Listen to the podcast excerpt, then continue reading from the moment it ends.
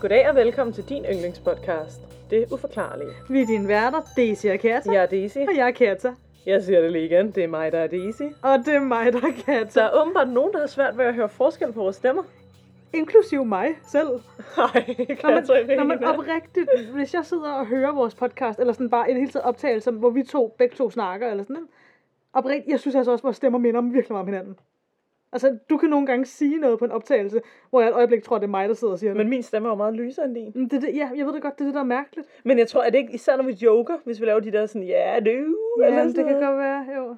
Jeg ved det ikke. Jeg har virkelig været sådan, at nu har jeg hørt det fra flere, hvor jeg er sådan. Ja. Altså selv folk, der kender mig, altså sådan mine venner, Jamen, ja, hvor, det er jeg det. sådan, hvor de sådan, de kan ikke have forskel på os, lolly, lolly, lolly, hvor jeg sådan, what the fuck, vi har været venner, siden vi gik i 0. klasse, hvad snakker du om? Er. Og netop fordi jeg føler nemlig også, at vores stemmer er anderledes. Altså, de er ikke Man kan jo se det på sekvenserne, mine, mine toner i stemmerne er meget højere end Ja, dine toner. præcis. Men jeg føler også, når vi sådan går rundt i virkeligheden, hvad jeg vil sige, altså der er det selvfølgelig sværere, når det er vores egne stemmer. Ja. Men sådan alligevel, der føler jeg ikke, at folk de sådan, hov, jeg troede lige, at bla bla. Nej, nej. Men jeg har også, men kan du ikke også huske, altså vi har oplevet det mange gange før også, der var også en gang, hvor at vi øhm, begge to skulle til en fest hos den, en veninde, hvad jeg vil sige, hvor jeg sådan kom og ringede på, og så øh, i det, jeg snakkede igennem sådan høretelefonen, eller hvad vil jeg sige, dørtelefonen, Dørtelefon, ja. så troede vores veninde, at det var dig. Indtil jeg kom op, så var hun sådan, wow, jeg troede, det var Daisy. Ah, nå, nej, det kan jeg ikke huske, men fedt. Ja. Så det er bare sådan, der er bare et eller andet Det med må vores måske have noget at gøre, men lidt ligesom man også hører om par, altså sådan det der med, at man begynder at snakke i de samme talemønstre. Ja, Så det er ikke kun er selve lyden, men det er også måden, vi sådan formulerer os på, måske. ja. Fordi vi er lidt for meget sammen. Jamen, det, jamen, det kan godt være. Ja. Nå, any news? Any news? Any news? Any news? Um, hmm. Det er sommer, det er søndag. Det er overhovedet ikke sommer, men det er søndag. Ja, det er forår. Jeg har været i London. I, I London? Jeg har været i London. Hvordan var London? Jamen, øh, det kan du måske høre om senere. Det kan være, at jeg bringer det op i et lys.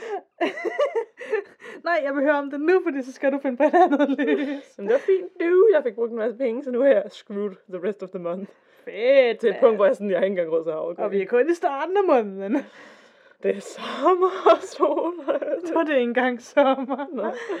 Ja, jeg ved det ikke helt. Men efterhånden, så mit liv, det falder stille og roligt fra hinanden, så det er bare en del af the survival, jeg må igennem. Det er en del af charmen. det, jeg købte det på dyresko, til gengæld. Ja, det gjorde du. Det er jo meget mere værd end mad. Det er det der. Ja, ja, ja, ja, ja, ja. Ja, så må man jo leve af gammel uld resten af måneden. Jeg har hørt om nogle modeller, de spiser vatrundeller. For at Ej, føle sig hvad? med det. Ja, for i stedet for at spise rigtigt, så spiser de vat. Jeg ved ikke, om de stadigvæk gør det, men sådan i ældre dage. ikke? Åh, det lyder Det kan være, jeg skal overveje det. Nej, det lyder virkelig ubehageligt. Ja, ja, de spiser vat. Og vatrundeller er også dyre, så Ej, åh. det var en joke, ikke? Det er ikke, fordi jeg re- re- legit har lyst til at spise vatrundeller. Nej, nej, nej.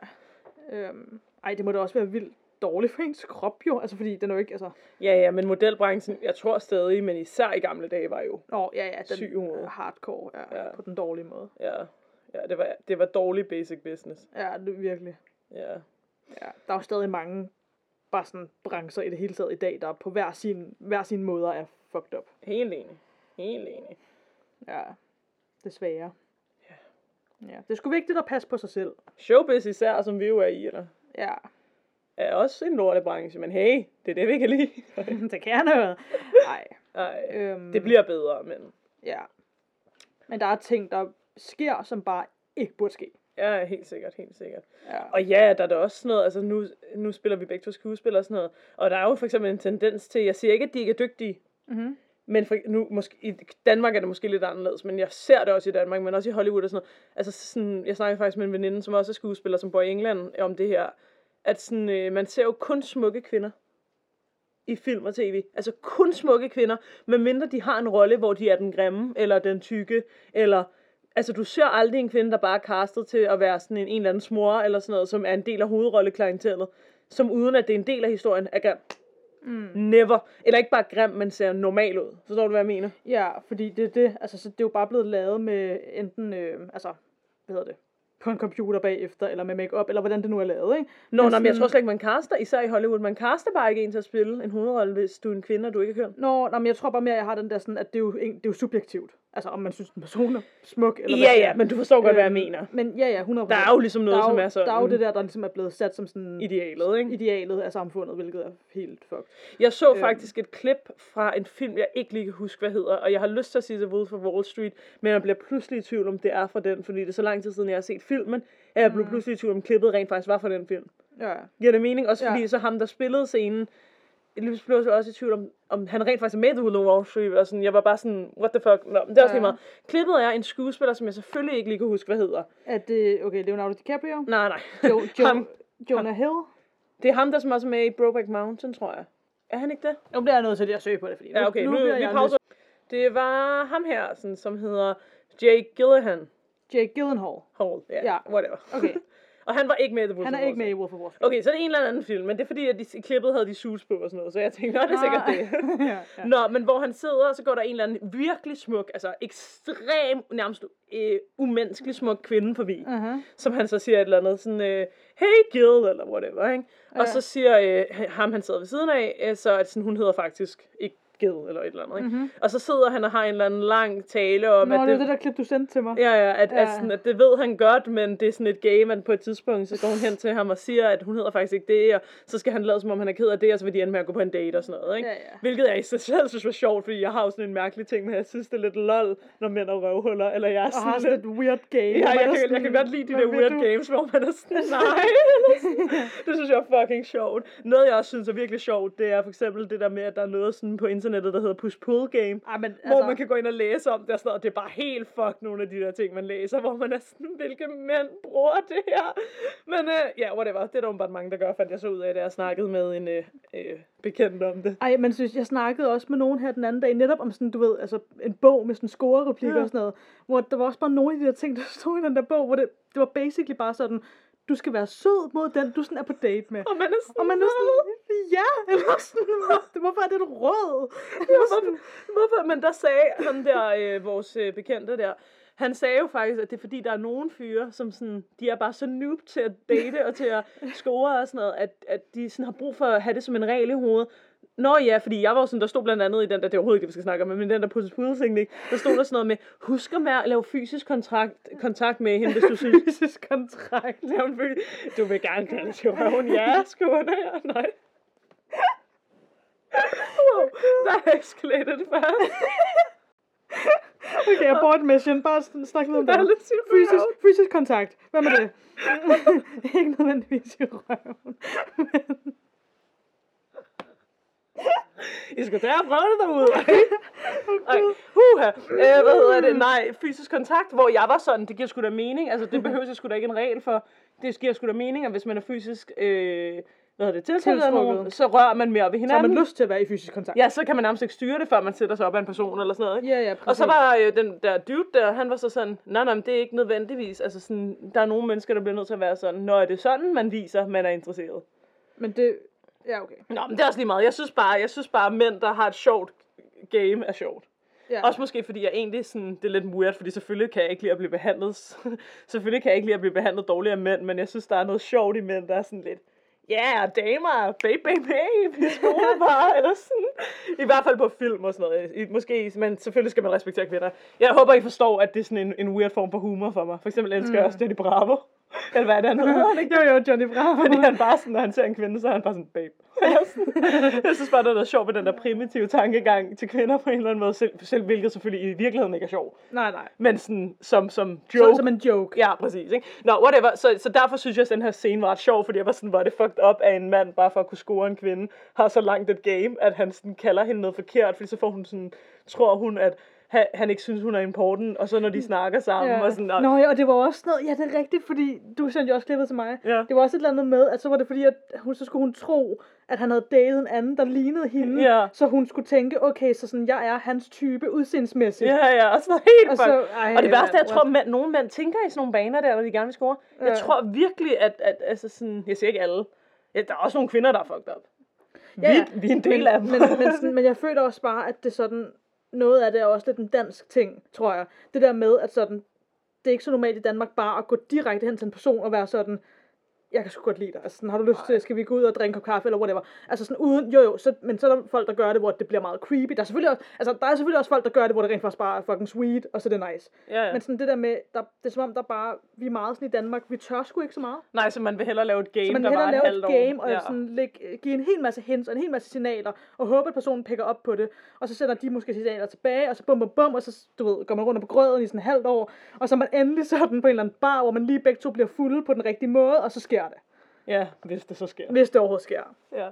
Nå, men det jeg egentlig ville sige med det her klip, Mhm. mm-hmm. det kom jo, selvom jeg respekterer alle mænds game, jeg synes det er for fedt, I tænker så meget over det, bare for at få lidt, undskyld mig, fisse. hvad hedder det, øhm, hvad hedder det, jo, men det der var ved det var, at jeg tænkte sådan, fordi ikke at han, hvad er der? du hørte bare ikke, hvad jeg sagde. Hvad sagde Jeg, jeg sagde bare eller noget andet. Nå, ja. Øh, hvad hedder det? Ikke fordi jeg synes, det er ham her, Jake-drengen her. Han er da en flot mand og sådan noget, men han er ikke sådan, du ved. Han er jo kun flot, fordi vi ved, at han kan skuespille. Eller, øh, giver det mening, det jeg Ja, siger? hvis du egentlig, må jeg lige prøve at søge på noget, hvis du, at han er bror til, øhm, bum bum bum, nu skal jeg lige finde det. Jeg var lige i gang med at fortælle en historie. Undskyld. Det jeg siger er bare, hende der kvinde, der var i filmen, hun var Ja. bare så smuk, at jeg var sådan her, i real life vil han aldrig have en chance med hende der. Men fordi det var film, og han er en stor superstar, der lander den der rolle, Mm-hmm. så har de jo kun, så kan de sagtens kaste en mega smuk kvinde, som om hun er interesseret i ham. Mm. Okay, hun var så ikke interesseret i ham, hun gik bare forbi ham, men Ja, ja. kan, altså giver det overhovedet mening noget af det, jeg har sagt. Pointen er, at jeg siger, at man kaster kun smukke kvinder, så fuck verden. Mm. Hvad var det, vi snakkede om oprindeligt? Showbiz? Ja, det tror jeg. Ligegyldigt hvad, jeg vil bare gerne sige, ja, yeah, kvinder. Ja. Nå, er, hun, er han bror til hende der? Ja, de er søskende. Hvad er det nu, hun hedder? Hedder hun ikke Maggie? Jo, Maggie Hvad er det nu, hun spiller med i? Uh, hun er blandt andet med i uh, Batman.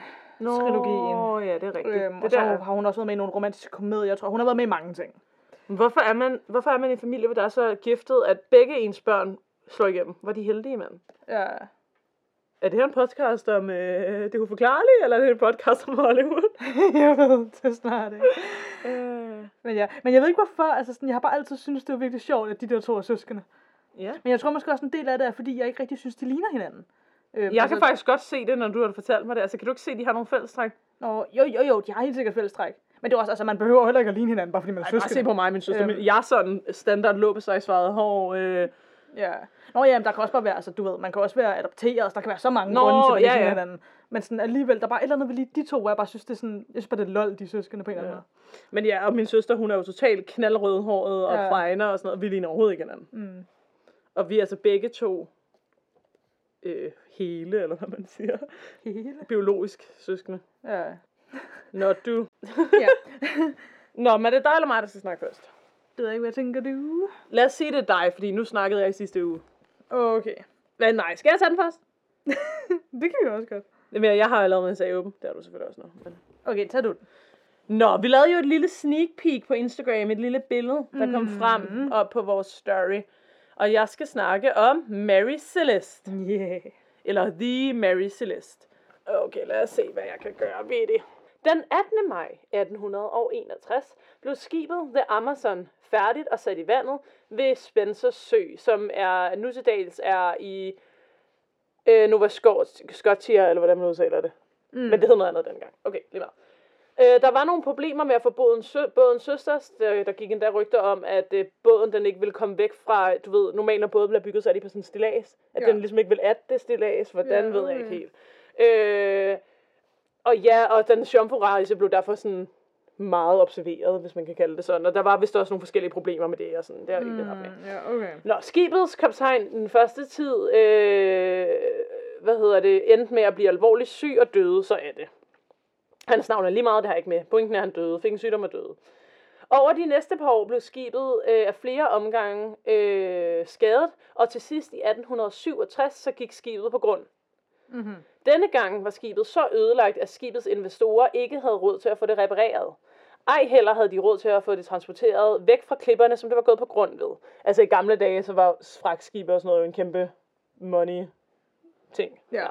Okay. En mand ved navn Alexander McBean fik skibsfraget væk fra klipperne, og fik hende så sejldygtig igen, og helt præcis, hvad han lavede og sådan noget, men han må have været en eller anden businessman, ikke? Mm. Så gik ejerskabet af The Amazon til en dude ved navn John Howard Betty, eller Beatty, eller Boaty? Nå, lige meget. B. B-E-A-T-T-Y, som solgte den til den, øh, solgte den semiskade båd til en Richard W. Haynes, som var amerikaner. Mm-hmm. Han renoverede skibet og udskiftede en masse ting, og så gav han skibet, altså det vil sige, han, altså bog, hvad hedder det, øhm, bog, hvad hedder den dernede, når skibet? Buen? Øh, ja, det- ja. Ja, altså han, okay, på en han udskiftede rigtig meget skibet, men sådan grundtingene var stadig der med sig, Mhm. ikke? Og så gav han skibet et nyt navn. Han kaldte det The Mary Celeste, eller Mary Celeste. Fun fact, som jeg faktisk ikke vidste, da jeg lavede research, men jeg har lige hørt en anden podcast, hvor de også snakker om at navngive et andet skib. Ja. Og åbenbart mener man, det bringer bad luck at give et skib et nyt navn. Ja, Åbenbart. det synes jeg, det har jeg også hørt før, ja. Ja, fordi jeg har jo tit undret mig over, når man hører folk køre skibe, og de så hedder et eller andet, den skaldede kvinde, eller sådan noget, sådan, At giv dem dog et federe navn, men det er åbenbart, fordi det bringer bad luck. Ja, Og det er også derfor, det er så vigtigt i går når man giver sit skib et navn. Det er jo sådan en Ja. kæmpe ting. Nu har min morfar og mormor altid været sejlere og sådan noget, så jeg er Mm. lidt inde i den der bådeverden, ikke? Ja. Samtidig med, at jeg selv er en noob, som er Mm. bange for havet. Men, men du ved, jeg har været ret meget på havne og både og sådan noget, ikke? ja. Og øh, ja, det er jo bare bad luck. Nå. Så blev skibet solgt til et New York fragtfirma, øh, og så kom skibet under kaptajnen Benjamin Spooner Briggs. Skibet Mary Celeste sejlede fra New York med kurs mod Genova, eller G-E-N-O-V-A, Genova, Genova, Mm. i, i Italien øh, nove- i november 1872 på en fragtrute, eller hvad man siger, ikke? Ja. Øh, den fragtede blandt andet en masse tønder med industriel alkohol, og skibet var bemandet af, som sagt, kaptajn Benjamin Briggs og syv besætningsmedlemmer, inklusive Briggs kone og deres datter. Jeg har til gengæld læst et andet sted, der måske var 12 besætningsmedlemmer, men lad os køre med, at han havde syv. Ja, okay. Fordi, whatever. Okay, så vil jeg snakke lidt om kaptajn Briggs og besætningen. Benjamin Briggs blev født i Wareham, øh, Massachusetts. Massa... Oh, Gud. Ja, Massachusetts. Ja, whatever. Tror jeg, I ved, ja. hvad vi mener. Den 24. april i 1835, og han var en af fem sønner af en søkaptajn, der hed Nathan Britt. Alle på nær en af sønnerne gik til søst, hvoraf de to blev kapta- kaptajner. Benjamin var meget kristen, og han læste åbenbart Bibelen regelmæssigt, og, øh, og han, øh, hvad kalder man det, beviste sin tro, eller hvad man siger, ved tit at gå til det, der blev kaldt bønnemøder, som jeg tror er sådan, ved, at man beder sammen i kirken, mm. I don't know. Øh, hvad hedder det? I 1862 så giftede han sig med sin kusine, Sarah Elizabeth Cobb, øh, og så nød han en middelhavsbryllupsrejse ombord på øh, et skib, tror jeg det er, som hedder Forest King.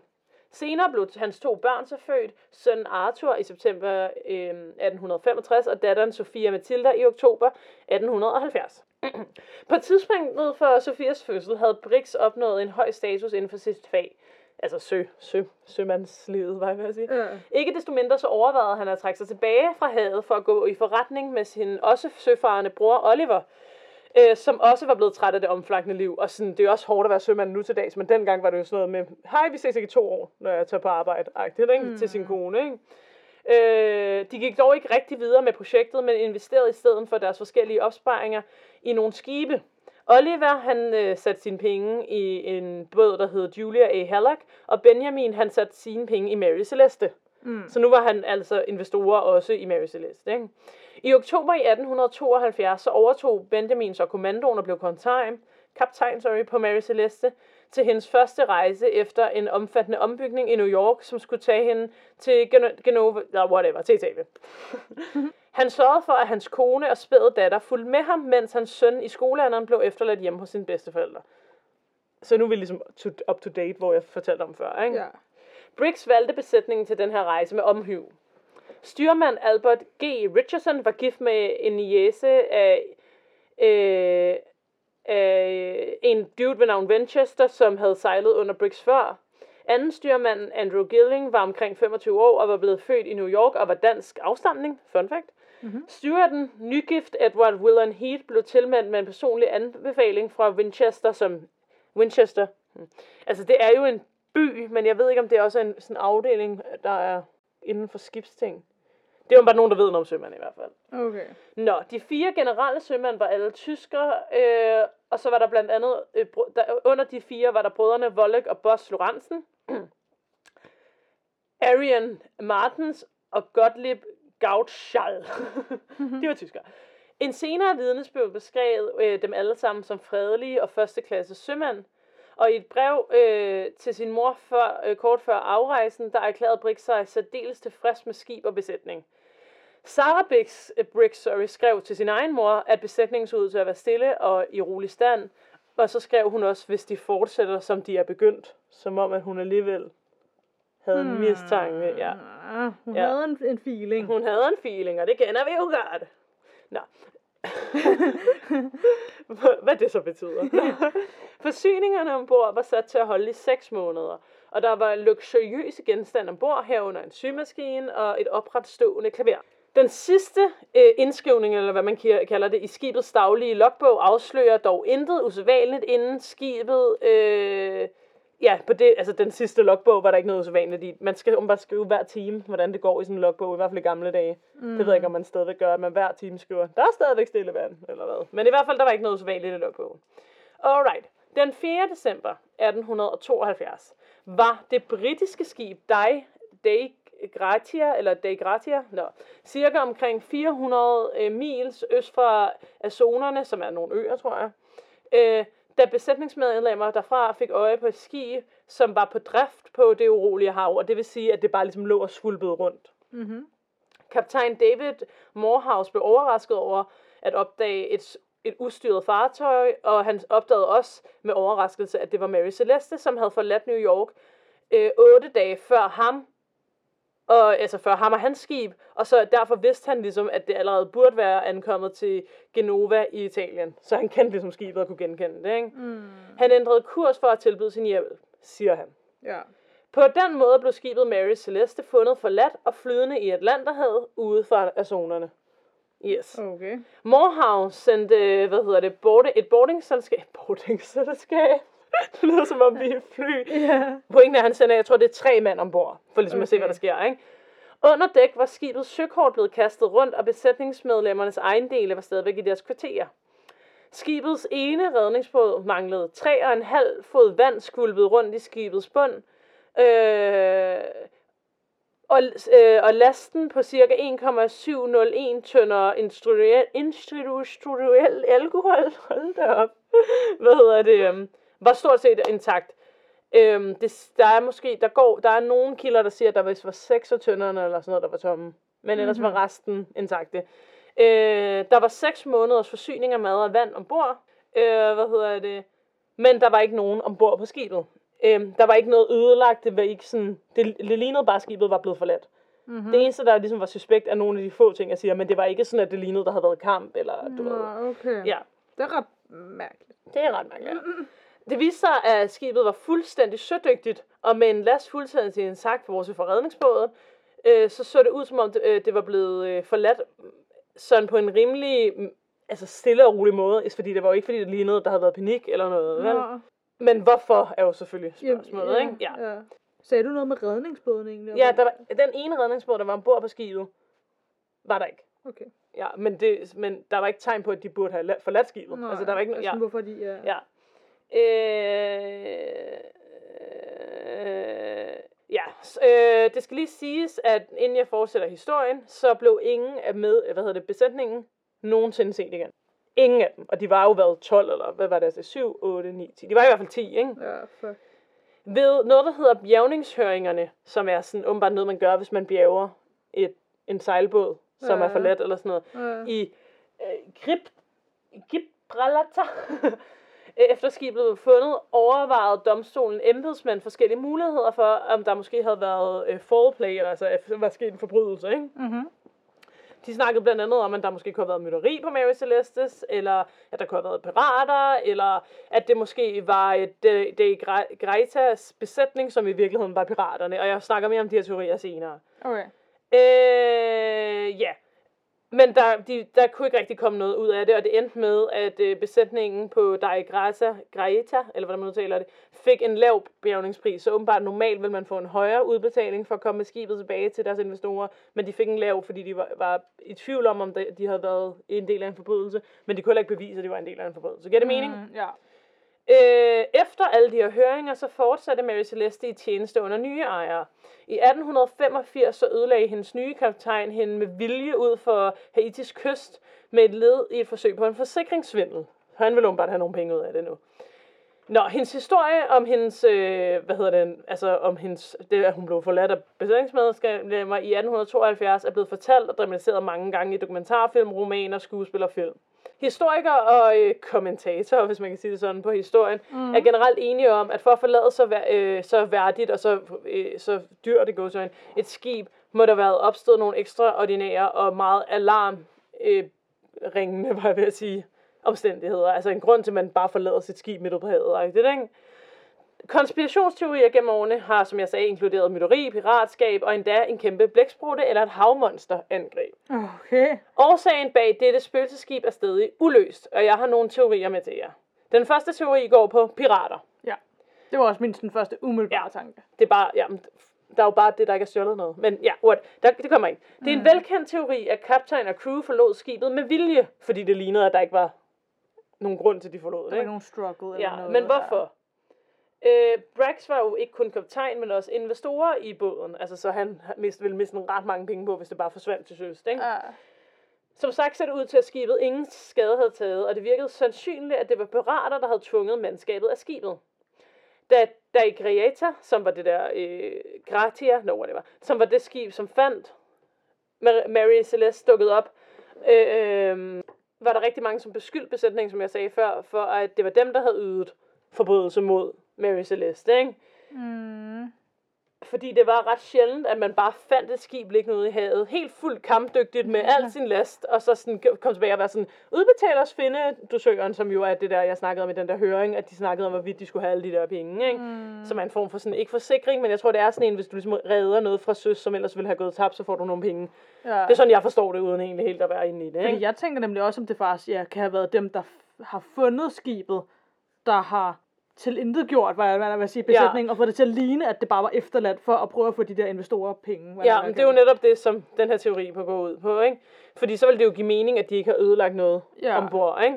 Så ja, der gik, øh, der gik teorier på, at dem, som fandt skibet, selv var piraterne, ikke? Og de så skulle have slagtet alle ombord på Mary Celeste. Men det, der var jo ikke noget blod eller noget heller. Men, Nå, nej, men hvis nu at de bare har sådan kastet dem overbord. fået dem alle sammen til at gå ned i redningsbåden, og bum, og væk med den. Og så er de måske omkommet til søs. Eller Ja, ja, ja, eller- ja, men det er en god teori, ja, ikke? Men altså, der var tre måneders efterforskning, og alle anklager blev droppet, for man kunne ikke finde nogen beviser på det. Men man kan også se, hvordan fanden skulle man bevise det. Ja. Men, men på den anden side, hvis de var mange besætningsmedlemmer på det andet skib, ville en så ikke spille det bedre? Eller sådan... Jo, man kan faktisk også godt sige, måske ville de jo så netop have det til at ligne, at der havde været en struggle ombord. Ja. Netop fordi det andet får netop bare det hele til at virke meget mere mystisk. Ja, jeg ved det ikke. Der er også en teori, der går- på, at pirater kunne være kommet øhm, fra Mary Celeste selv. Altså, te- teorien går ud på, at crewet, at, eller nogen fra crewet, kunne have drukket for meget af den der alkohol, der var ombord, og det var derfor nogle af tønderne var tomme, og at der så var opstået mytteri. ja. Og der er især en teori på, der går på, at de to tyske besætningsmedlemmer, som var øh, søskende, øh, skulle have gjort det her. Fordi deres egen del var de eneste, som manglede fra skibet. Som om, at de havde taget deres med, mm. hvis du forstår, hvad jeg mener. Men igen, der manglede jo ikke noget andet. Øh... Luskede søskende par. ja, men der er senere, det var dem, der hed Lorentzen. Ja.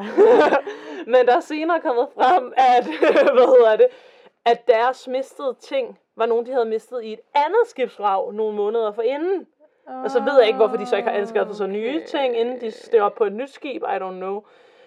Jeg synes, men det, jeg synes, der er mest mærkeligt, er ligegyldigt, hvem der er piraterne. Ja. Hvem fandt, hvorfor stjæler man så ikke noget? Ja. Ja. Hmm. Men det er helt klart en af de mere sådan, Rumvæster. Det kommer ind på senere. Du. Bare rolig, du. Teori 2. Det går ud på, at alle forlod skibet grundet et panisk fejlberegning af kaptajnen.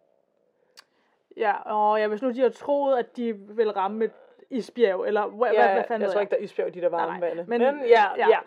En af de første ting, som dig Gretia, oh my god, det skib, vi kalder det dig for nu af, øh, gjorde, da de steg ombord på Mary Celeste, var, at de forsøgte at aflytte, og jeg har oversat det til rørene, men det er fordi, jeg tror altså, det er et, et, skibs, øh, et skibsterm, jeg ikke kender, men jeg skal nok prøve at forklare det, sådan så at hvis man er en skibsperson, så forstår man måske, at jeg bare bruger de forkerte ord. Jeg kaldte det rørene. Hvad hedder det på engelsk? Jeg kan ikke huske det. Okay. Men jeg tror, det var pipes, men jeg tror, Ja, okay. det, jeg tror det hedder noget andet. Forstår du, hvad jeg mener? Ja. Øh, for at se, om skibet var sødygt, øh, sødygtigt. Det går an på, og jeg forstår det som sagt ikke helt, men at man putter en form for ræb ned i et bestemt rør for at se, hvor meget vand der er dernede, om skibet ligesom har taget for meget vand ind. Ja. I gamle dage var der jo meget sådan noget med, at sk- at skibe tog jo vand ind, men var, altså, de behøvede ikke at synke af den grund, ikke? Men åbenbart så mente dem fra dig, at, eller dig Greatia, at deres system ombord på øhm, Mary Celeste var forkert. Åbenbart så var det ikke det rigtige ræb til at tjekke det her, men et ræb med noget metal på, der, de, som var blevet brugt til at tjekke det med. Mm-hmm. Åbenbart så er det nogle bestemte remedier, man skal bruge til at tjekke det her med, om vandet er kommet ind i skibet, og det var åbenbart det forkerte slags. Ja, okay. Dette ræb blev fundet af dig, øh, mandskabet nær, nær en af kahytterne på Mary Celeste. Og, øh, og der ville det normalt ikke være. Altså det var mærkeligt, det bare lå sådan on Ja. the floor-agtigt, ikke? Dette giver den teori, at, der blev, øh, at ræbet var blevet kastet fra, øh, fra sig af en person, som øh, kort efter så forlod skibet i panik. Altså har målt og været sådan, "Ah!" og så forladt skibet, ikke? Ja. Øh, da Dejmandskabet lavede denne unders- undersøgelse på skibet, så kunne de se, at skibet var fyldt med 3,5 feet water, som jeg også snakkede om tidligere. Ikke? Mm. Øh, og der var også vand imellem de forskellige dæk. Og selvom det er ret meget vand, så burde det ikke være nok til at skabe panik blandt Mary Celestes crew. Øhm, fordi åbenbart skal der meget mere vand til, det synker. Øhm, men uden at blive mega teknisk, fordi det forstår jeg alligevel ikke helt selv, så er det noget med, at hvis nu der var en speciel slags svær, blandt andet en form for orkan, tror jeg, så kunne trykket godt påvirke de her pumper eller pipes, eller hvad fanden det hedder, sådan så at det ville ligne, at vandet var højere, end det var, hvis det giver mening. Så kaptajnen måske kunne have målt det og troet, at skibet faktisk sank. Men der har jeg det bare lidt med det, at men så når de sejler væk og ser, at skibet stadig ligger og flyder, altså, man bliver jo ikke bare ved med at sejle væk. Altså, forstår du, hvad jeg mener? Ja. Så der er noget der, plus at hvis han, var, han havde sejlet i 18 år eller sådan noget, han burde ligesom kende sin way around it. Plus at det var, var ikke tyde, det tydede ikke på, at skibet havde et hul i sig, men at det højst sandsynligt bare var for regn. Altså det var meget normalt på gamle skibe, at når det regnede, så røg det også ned mellem dækkene. Men det var ikke fordi, det var hul i skibet, det var ligesom bare, hvis du har et glas og hælder vand i det, og glasset, eller hvis du har noget, der kan flyde, lad os sige en kurv, og du lægger den på vandet, så flyder den, og jeg hælder vand i, så flyder den jo stadigvæk, selvom der er vand inde i den. Mm. Så du, hvad jeg mener? Ja. Ja, så der er noget der, men det er en teori, der er gået på, at de har troet, at skibet sank. Okay. Men det virker bare ret åndssvagt at blive ved med at sejle væk fra skibet, og ikke lige se, om det rent faktisk synker. Synker, ja. Ja. Øh, men ja, især hvis de ikke har haft indtrykket af, at det synker, hvorfor de bare kastede sig ned i den der redningsbåd. Ja. Ja. Teori 3 går ud på et havskælv, eller altså et jordskælv, man i havet. Ikke? Mm-hmm. Ifølge US Naval Research Laboratory er området omkring Azores øh, noget af det mest serametiske, som vi har i verden, og det er ligesom i for, altså der, hvor der er mest jordskælv, Ja. eller hvad man siger. Øh, det, er det er bevis, at et jordskælv eller et havskælv på omkring 8,5 magnitude, som er en form for, det er et højt antal jordskælvsrater, skete en måned efter Mary Celeste var fundet. Det er muligt, at en forchok, som det hedder, ramte båden. Nogle jordskælv har jo det med, de har rystelser, inden de rent faktisk kommer. Ikke? Ja. Og på den måde, så kunne skibet være rystet godt, og kunne måske øh, have gjort, at tønderne der, som tønderne man fandt var tomme, at der måske var gået hul på dem. Og dampen fra dem, fordi det jo var meget stærk alkohol, så kunne det være, at de lavede en form for damp, kunne måske godt have fået crewet til at tro, at der var noget, der ville eksplodere, mm-hmm. hvis det giver mening. Altså, det er en lidt syg teori, ikke? Ja, men det, ja, det giver mening. Dog er der nogle problemer med denne teori. De ni tønder, eller seks tønder, eller hvor mange det nu var, lignede ikke nødvendigvis, at de var gået i stykker. De lignede bare, at de var tomme, ikke? Mm-hmm. Åbenbart er der også nogen, der mener, at tønderne var lavet, så vidt jeg har forstået det, af en bestemt form for træ, som suger. Og det er måske derfor, alkoholen var væk, fordi at det simpelthen var blevet suget ind i træet. Mm. Det synes jeg også lyder lidt syret. Altså, hvorfor laver Ja. man tønder til at holde noget vand, som... Men igen, altså, mennesker gør dumme ting, ikke? Og det kan også være, at jeg bare har misforstået teorien. Det kan også være. Men jeg har forstået det som om, at træet var sådan noget, der sugede. ikke? Ja, ja. Men at ski, altså, fordi de blev ved med at understrege, at skibet var lavet af en slags træ, og tønderne er noget andet, og det kunne betyde, bla, whatever. Mm. Øh, øh, øh, øh. Som jeg sagde, så blev mange af de ting, man fandt på skibet, øh, også fundet pænt placeret der, hvor de burde være, og det lignede ikke, at skibet var blevet rystet. Og det skal så også lige siges, at hvis der er jordskæld, det er jo ikke, fordi vandet gør det samme som jorden. Vandet gør jo ikke sådan her. Altså, forstår du, hvad jeg mener? Mm. Selvfølgelig, altså sådan... Vand bevæger sig jo anderledes end jordskæld i vand, så vel ikke mere, så at der kom et undertryk eller sådan noget, end at det egentlig var sådan jordskældsagtigt. Mm, ja. Jeg ved ikke, hvordan vand Men er det ikke ud. også det, der kan skabe en tsunami? Jo, det er det nemlig, men det rammer jo, det, det er jo, altså hvis du er på en båd, og der kommer et havskæld nedenunder dig, Ja. så sker der jo højst sandsynligt ikke noget med båden, men det er jo inde ved kysterne, du oplever det. Ja. Men jo, det er rigtigt, havskæld er det, der skaber øh, tsunamier. Ja. Tsunami og Tsunami. Tsunami, jeg tror, Ja. ja. ja. Øh, men staves med C, ikke? Med, jeg tror, det er TS. TS, ja. ja. Nå, fire teorier er ret kort, men du var selv inde på den. Gå ud på, mm. at det selvfølgelig var rumskibe, eller rumskibe, rumvæsener, Ja, som søren. bortførte dem. Eller at de var angrebet af en form for kæmpe blæksprutte eller sømonster, som ligesom med deres tangteller Ja, kan fange kraken. dem. Ja. Yeah. Jeg har ikke mere til den teori, end at det er der nogen, der tror. Ja. Øhm, og det er derfor, de nærmest bare er blevet beept væk, hvis nu det var rumvæsener, ikke? Det ville give bedre mening, synes jeg, med rumvæsener, end med for eksempel kraken. Ja, fordi så ville den også ødelægge skibet. Ja. I mindre. i- Jeg tænkte faktisk, da jeg læste det, det var ikke en teori, jeg så. Jeg tænkte på sådan noget som altså sådan havfruer. Ja. Altså ikke på den der sådan Ariel måde, men på sådan en killers. Ja, ja, så hvis nu de har lukket dem til at gå ned i sådan en redningsbåd, fordi at de ville sejle ud Ja. til den der havfru, der var lidt længere ude i vandet. Ja, ja, præcis. Ja. ja eller jeg forestiller mig næsten sådan noget Paris of the Caribbean, det der, hvor de kan springe Ja. op af vandet og bare sådan, du ved, tage dem ned i vandet. Ja. Ja. Det, altså, jeg, jeg ved ikke, hvad jeg synes om, at de lavede flere Car- Paris of the Caribbean efter træerne, men jeg synes, alt det der med havfruerne er fucking fedt. Mm. Altså lige det, jeg synes bare ikke, de dyrker det nok, men jeg synes, det er en fucking fed idé. Selvom det jo ikke er sådan, det er jo ikke så originalt. Jeg synes bare, det er mega fedt, alt det der med, at de der havfruer er sådan nogle dræbere. Ja. Jeg vil ønske, de havde dyrket det meget mere. Lav en film kun om det. Jeg elsker mm. havfruer. Jeg elsker bare Pirates of the Caribbean. ja, de første tre gør jeg også. Jeg synes Ja, jeg, virkelig... jeg elsker det hele. Ja, Ja, jeg elsker det hele. jeg ved det ikke. Jeg synes sgu, det gik ned. Det ned. Jeg synes, firen er god, den med Jeg havfruerne. elsker det hele. Nu vil jeg gerne sige min mening. Jeg synes, firen er god nok. Jeg synes simpelthen bare, at det er synd at lave dem uden Will og... Øhm, Det er i hvert fald noget andet. Det er noget Øhm, andet. Og så ja. synes jeg, det var irriterende, da femmeren kom ud, at man bare havde glemt ham der præsten og hende der havfruen, Ja. som man lige havde lært at kende, som de jo lidt prøvede at erstatte Will og... Hvad fanden er Elizabeth med? Ja. Og så var det bare sådan, når de bare, de eksisterer ikke mere. Mm. Det synes jeg også var sådan lidt, okay, så I laver en helt ny storyline, og så fulgte jeg ikke engang op på den. Sådan, what the fuck? Det har taget mig fucking meget.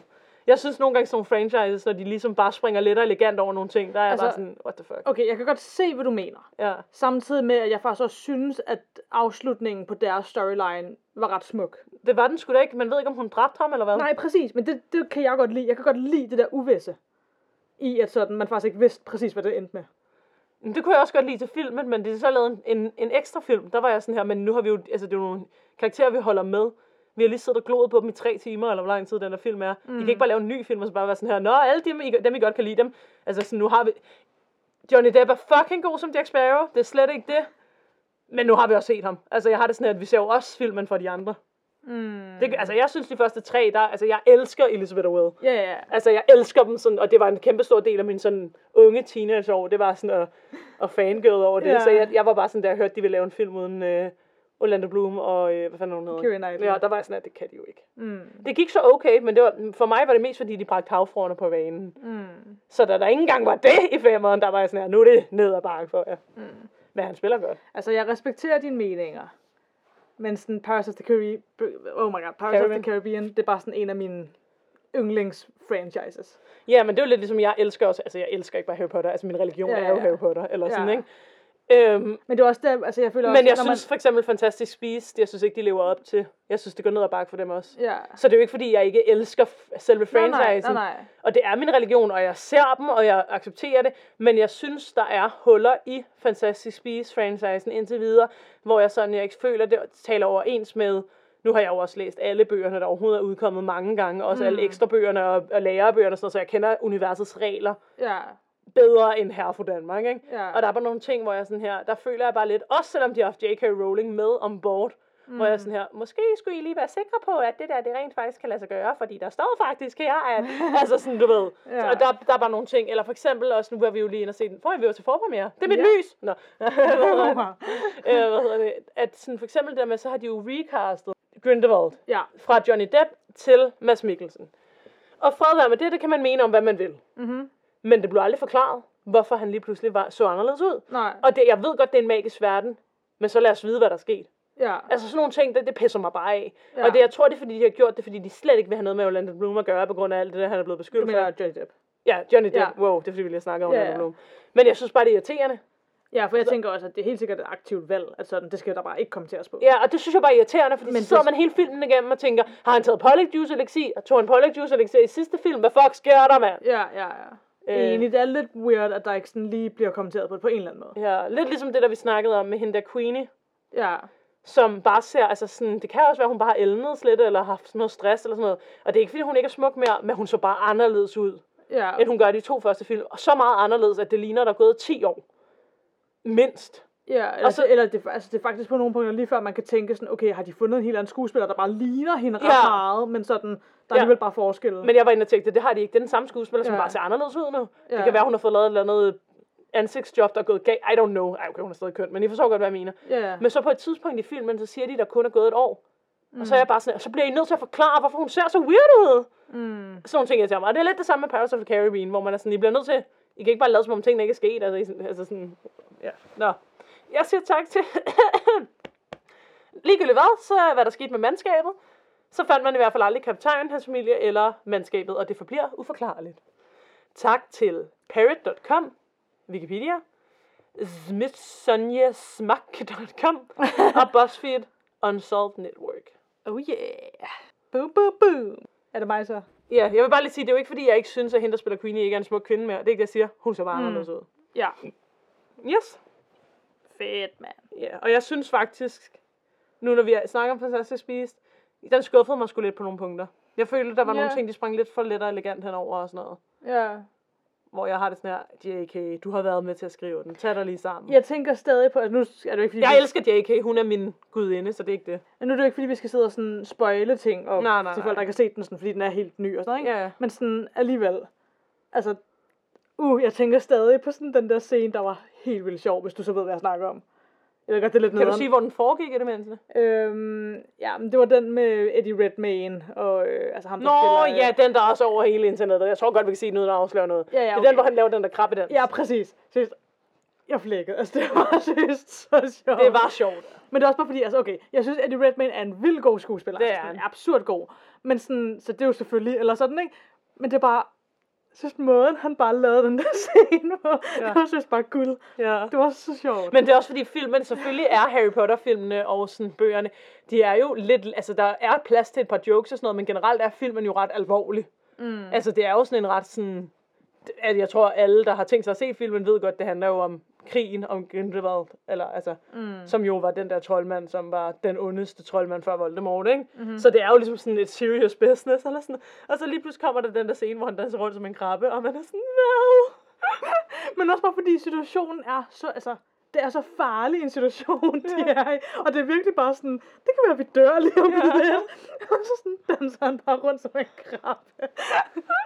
Ja, se, se filmen bare for det. Det er heller ikke, fordi det er en dårlig film. Jeg føler bare, at de skal passe på, de ikke... Ja. Fordi den her franchise betyder bare så meget for så mange mennesker. Mm. Nå, whatever. You go. Okay. Jeg skal snakke om Sarah Sarita. Sikkert et smukt navn. Ja, tak. Eller, Nå. Sarah Sarita er et hjemsøgt spil eller leg, som oprindeligt kommer fra Mexico. Det er primært børn og unge, der spiller det, selvom det siges, at det kan være utrolig farligt at spille. Spillet går basically ud på, at man kontakter to unge pigers spøgelser. To piger, som efter sigende skulle være blevet myrdet. I Mexico der er spillet kendt under navnet, og jeg kommer helt sikkert til at udtale det forkert, men det er kendt under navnet El Juego de Sarasarita. Sarita. Vil du ikke udtale alle de mine sager fra nu af? Jo, jeg kan prøve. Nå, og det minder om spillet Charlie Charlie Pencil, hvis man kender det. Og det kan godt være, at jeg snakker om det på et andet tidspunkt. Det gør jeg ikke, men... Uh... Men okay. Ligesom så mange af de andre sådan, hjemsøgte spil og lege, der findes, så er der et regelsæt til Sarah Sarita. Og det er vigtigt, at man følger det nøje, ellers så kan det gå grueligt galt.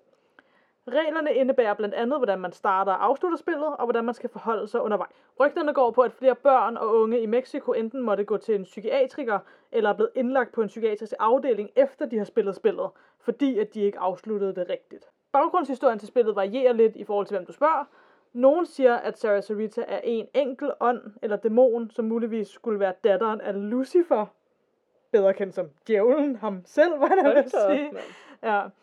En bedre kendt teori er dog, at Sarah og Sarita faktisk er to individuelle ånder, og det efter sigende skulle være to søstre, eller sådan søskende, som gik en grusom skæbne i møde en dag efter skole. Øhm, og det vil jeg fortælle lidt om senere. Okay. Men den her teori har så også skabt et alternativt navn til spillet, nemlig The Sister Sister Game. Klamt. Ja. Men hvem eller hvad, eller hvor mange du så end snakker til eller kommunikerer med, når du spiller det her spil, så vil jeg fraråde at spille det. Og hvis du gør, så er det i så fald på egen risiko. Okay, jeg har Og- ikke tænkt mig at spille det. Nej, og med det sagt, så her er reglerne. Jeg er klar. Det kræver to personer for at spille spillet. Nå, men så er vi jo klar. ja. Og man skal bruge to mønter. En til hver spiller. Og mønterne skal ligesom være af samme værdi. Så det er ikke sådan, at hvis vi spillede det, at jeg kan have en 1 kroner, og du kan have en 2 kroner, eller hvad, hvad det Ej, nu det er mærkeligt. Øhm, det skal ligesom være samme værdi. Nå, Jeg kunne godt få to 1 kroner. Ja, ja, det må du gerne. Ja, okay. Eller to femmer, eller to, To 20'er, eller... whatever. Øh, Ja, og når du ligesom har det, to personer, to mønter, samme værdi, så kan spillet begynde. Det behøver ikke at være et bestemt tidspunkt på dagen, eller ugen, eller måneden, eller året, eller hvad ved jeg, øh, for at du kan spille spillet. Du kan sådan set bare begynde, når du har lyst. Dernæst så skal de to personer, der spiller, de skal sætte sig på gulvet eller jorden over for hinanden. Nu skal man så sige følgende i kor. Sarah Sarita, may I enter your game? Sådan, Sarah Sarita, må jeg joine dit spil, eller må jeg være med i dit spil? Efter man har sagt det, så skal begge personer smide deres mønt forsigtigt og roligt over deres skulder, så den lander på jorden bag dem. Hvis begge mønter lander på krone, betyder det, at man har fået tilladelse til at spille spillet, og man kan nu fortsætte med at have en samtale med Sarah Sarita. Men hvis begge mønter lander på plat, betyder det, at man ikke har fået tilladelse, og man skal afbryde spillet med det samme. Man kan teknisk set godt prøve at spørge om tilladelse igen og kaste mønterne igen, men hvis man bliver ved med at få plat på begge mønter, så frarådes det ifølge reglerne, at man bliver ved med at prøve. Hvad så, hvis de lander på så forskellige? Jamen, det er det. Øhm, det kommer jeg til lige om lidt. Nå, sorry. Yes. Øhm, nå, men i hvert fald, hvis det bliver ved med at lande på plat flere gange i streg, så må man ligesom efterhånden acceptere, at der bliver bare ikke givet tilladelse til, at man må spille spillet, og så må man ligesom finde på noget andet at lave. det, det, det anbefales dog også, at man lige undskylder for at have været til gene, før man forlader rummet. Og så kan man prøve igen en anden dag, hvis man har lyst. Og så, ja, til det du spurgte om, hvis den ene mønt lander på krone, og den anden lander på plat, så betyder det, at man teknisk set godt kan fortsætte spillet og starte samtalen, men at man dog skal være ekstra opmærksom og forsigtig, hvis man gør det. Men kan man godt afslutte det der også? Ja, det kan man godt. Det kan man godt. Okay. Fordi man, altså, teknisk set er man ikke gået sådan helt ind i spillet endnu på den, eller man er ikke, det er ikke sådan startet, startet endnu. Okay. Men nogen mener dog, at sådan, hvis man får krone på den ene og plat på den anden, så er der nogen, der mener, at man burde spørge om tilladelse igen, altså at ligesom få krone på begge to, før man fortsætter. Okay. Ja, og det kan man så fortsætte med at spørge, indtil man får ligesom et klart svar, altså enten to kroner eller to plat. Ja. Når eller hvis man får tilladelse til at spille spillet, så kan den her samtale med Sarah Sarita, eller Sarah og Sarita, begynde. Samtalen er dog mere end sådan, vi stiller Sarah Sarita spørgsmål, og hun, dem, det, whatever, svarer. Det er dog vigtigt, at man kun stiller ja-nej spørgsmål. Man skal også huske at starte sit spørgsmål med at sige Sarah Sarita, og så stille spørgsmål. Man skiftes til at stille spørgsmål, og man skal tale højt og tydeligt, når man spørger. Efter hvert spørgsmål, så skal begge personer smide deres mønt over skulderen. Hvis begge mønter bliver krone, så er svaret på spørgsmålet ja. Hvis begge mønter bliver plat, så er svaret på spørgsmålet nej. Hvis den ene mønt bliver krone, og den anden bliver plat, så er svaret på spørgsmålet måske. Men hvad, altså skal man spørge ind til deres liv, eller kunne man spørge, hvornår bliver bliver jeg gift i morgen? Eller, altså hvad er det for nogle spørgsmål? Altså, jeg forstår det, som om man kan spørge om alting. Okay, så de er også lidt sådan altvidende. Ikke nødvendigvis, tror jeg. Det er bare, hvad de mener om det, man Ja, spørger. ja, altså, men igen, jeg tror også, der er lidt forskellige teorier om det. Ja, okay. Altså, så det er jo, jeg tror bare, det er, hvad man tror, at to ånder eller spøgelser fra to døde piger, de kan have af viden. Ja, fordi i virkeligheden er det ikke noget jo. Nej. Andet om, hvordan de døde det, det er ikke noget. nødvendigvis, ja. Men mindre, at man, når man dør, lige pludselig bliver oplyst med alt muligt. Ja. Se, det ville det mindst være fair. Ja, men sådan, ja, jeg ved det ikke. Jeg tror ikke, at der er nogen, der ved. det. Nej, okay, men, sådan, men ja, jeg forstår. Nå, når man føler, at man øhm, er færdig med at stille spørgsmål og snakke med Sarah Theresa, så skal man fortsætte til den såkaldte afslutningsrunde, eller farvelrunden. Det er vigtigt, at man laver et ordentligt farvel for at afslutte spillet korrekt. Ellers så kan man blandt andet risikere, at Sarah Sarita kan blive ved med at være i kontakt med dig selv, når du ikke nødvendigvis har lyst til det. For at afslutte spillet skal man i kor sige, Sarah Sarita, må jeg forlade dit spil. Herefter så skal man igen begge to kaste sin mønt over skulderen, og ligesom med alt det andet, lander begge mønter på krone, så har man fået tilladelse til at forlade spillet, og man kan gå fra det uden at bekymre sig. Lander begge mønter på plat, så har man ikke fået tilladelse til at forlade spillet, og man må spørge igen. Lander den ene mønt på krone, og den anden på plat, så har man heller ikke fået tilladelse, og man må spørge igen. Så der er ikke noget måske her. Okay. Det er ekstremt vigtigt, at man ikke går fra spillet, før man har fået tilladelse til at gå fra det. Jeg sidder der i tre timer. Amen, ja. Og det er også vigtigt, at man holder fast i mønterne bagefter, og op, altså når man har, så har forladt spillet, så er det vigtigt, at man ligesom ikke bare smider mønterne væk, at man ligesom be- opbevarer dem et sikkert sted. Og det frarådes på det stærkeste, at man bruger dem, eller sådan køber noget for dem. Så man bliver nødt til Mm. ligesom at bevare dem bagefter et sikkert sted. Okay. Præcist hvorfor, det ved jeg ikke. Nej, Men ja. spændende. øhm, ja, jeg tror, altså jeg forstår det som, at det er sådan lidt forbandelsesagtigt. Altså sådan, du kan nærmest få en forbandelse over det, hvis du Ja, så... eller måske dem, der så får mønten senere hen. Ja, præcis. Så, Men det er jo en creepy så bliver tanke. de lige pludselig hjemmesøgte. For det er jo en creepy tanke, så kan man få nogle penge tilbage i stedet, så bare Ja. være kørestyr, man har Ja. gjort noget. Ja. Præcis. Ja. Nå. Som nævnt tidligere, så kan man teknisk set spille spillet hvor som helst og når som helst. Men det frarådes stadig, at man spiller det udendørs eller andre steder, hvor mønterne sådan nemt kan blive væk, når man kaster dem og sådan noget. Fordi har du fået tilladelse til at spille spillet, og sidder midt i spillet, og så mister en eller begge mønter, så har du altså også lige mistet din eneste mulighed for at forlade spillet igen. Og ifølge reglerne, så er det absolut katastrofalt. Så det har du ikke lyst til. Okay. Og det er blandt andet i sådan nogle der situationer, tror jeg, at der sådan er, man siger, at der er unge og børn i Mexico, der har spillet det her spil, som er endt på sådan psykiatriske afdelinger og sådan noget, på grund af det. Hmm. Men det er jo også, om det er bare fordi, de selv tror, der sker noget, eller om der rent faktisk sker noget. Jamen det er det, det er jo ikke... Ja, hmm. ja okay. Og er der overhovedet nogen, der er blevet indlagt på den måde, eller er det også bare, Bare- rygter? ja, ja, det det, kan også være, det er ja. ikke rigtigt til at vide. Du må dog gerne, altså når du, du skal ligesom sidde på gulvet eller jorden sådan foran din partner, han er, eller sådan den du spiller Ja. spillet med, men sådan, du må gerne rejse dig fra den her siddende position, hvis du skulle komme til at kaste din mønt så langt bag dig, at du ikke kan nå den. Altså, så må du gerne lige rejse dig for at hente den, men så skal du også sætte dig tilbage igen med det samme. Ja, Altså du må ikke lige pludselig begynde at sådan vandre rundt og sådan lave alle mulige andre ting. ja. Øhm, ja. Nå. Øh, og det er ligesom også, altså en del af den tanke er, at det er fordi, du har ikke lyst til at lade Sarah Sarita sådan spille sin tid ved at vente på dig, eller sådan, Sarah og Sarita skal ikke føle, at du sådan ikke respekterer dem, eller ja, spilder Ja, deres tid. forstår. Ja. Ja. Det skal også tilføjes, at der er nogen, der mener, at man kun bør spille spillet på spansk, fordi at det er en form for sådan et ritual, og det bør udføres på det oprindelige sprog, som det tilhører.